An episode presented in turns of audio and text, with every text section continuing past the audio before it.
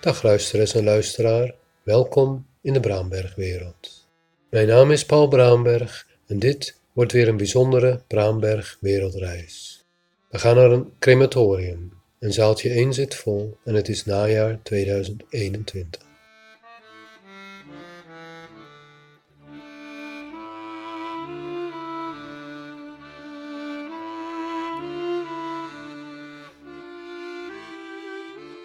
Een jongen was hij, zeggen de sprekers op zijn uitvaart. Een aardige jongen. En zo voelen wij ons allemaal, aardige jongens en meisjes, voor eeuwig verbonden met de overledene en de weduwe veel sterkte toeblikkend. Ja, we zijn allemaal de uitvaarttitaantjes. Allereerst begraafbedrijfsleider, die gedragen de ene platitude naar de andere routineert. Maar ach, iemand moet de boel aan elkaar praten en het zat in de verzekering. Als tweede spreekt de warme woordenspreker, glimlachers op zijn hand en zwelbassend in overledene aanhankelijkheid. Dan de emo-spreker, traantje wegpinkend, over de met overledene doorwandelde noordwesterstormen. En er is het kleinkind, niet sprekend, nou ja, een beetje, dat prompt stormpje gaat spelen. Woesh, woesh. Nu spreekt de overledene hemzelf. Opa, opa, als immer zorgvuldig formulerend, in een winderige geluidsopname, de enige van ons die niet weet dat hij op zijn uitvaart spreekt. En trouwens, dan had hij toen in dat tochtige landschap precies zijnzelfde aardige titanenpoëzie voorgedragen.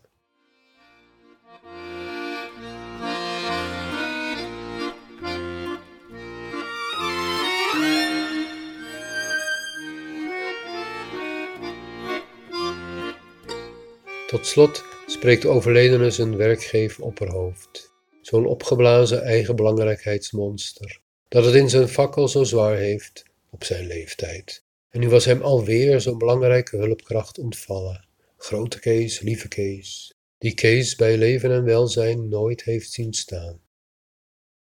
Hoe komt het dat nabestaanden steeds bobo's het laatste woord geven? Ga ik dat ook doen? Of mijn lief op mijn uitvaart? Er zijn de collega-moestuinders, niet sprekend, die de moestuinoogst van overledenen op de kist hebben gelegd. Pompoenen, spruitjes en piepers, mooier dan de bloemstukken, sprekender dan de sprekers.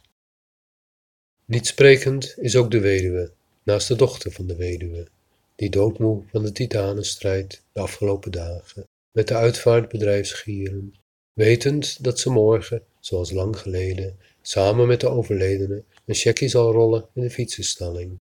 Eindelijk weer alleen met hem, want ze blijft gewoon met hem kletsen en doen. En overmorgen samen op het kleinkindwonder passen. Er zijn de vele sprakeloze bankzitters. Hé, hey, ben jij ook uitgenodigd? Onder wie de Titana die haar partner had opgeworpen als muzikale treurigheidsvertolker. Te vergeefs had opgeworpen, gelukkig want tegen popsongs zou de overledenes geliefde Duinezer elegieën weerloos zijn. Onder de bank zitten ook de titanoïde seniorenverenigingsbobo, die zichzelf als spreker had opgedrongen, te vergeefs gelukkig, en die verongelijkt de welgesproken sprekers op details zal gaan doorzagen bij mini-tompoesjes en dito cupcakejes.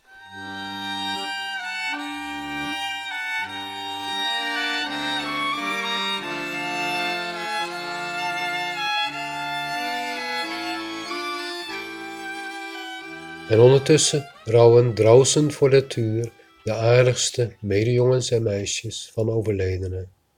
De onbekende titanen, de niet-bobo's, de niet zich bij de nabestaande opdringers. Draußen voor de tuur, want het uitvaartbedrijfszaaltje is te zuinig van grootte. Draußen voor de tuur ook, omdat de ware titaan onopgemerkt voor de weduwe is gebleven, onzichtbaar als zuurstof in de atmosfeer.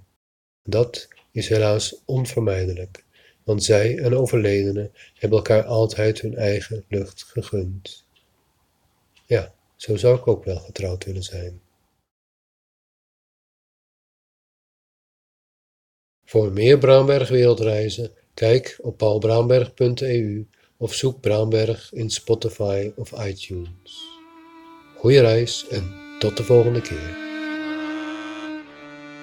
De muziek is uit de eerste symfonie van Gustav Mahler, genaamd Titaan, in een bewerking voor viool en accordeon van het Tsjechisch-Amerikaanse duo Cricket and Snail van hun CD Street Symphonies.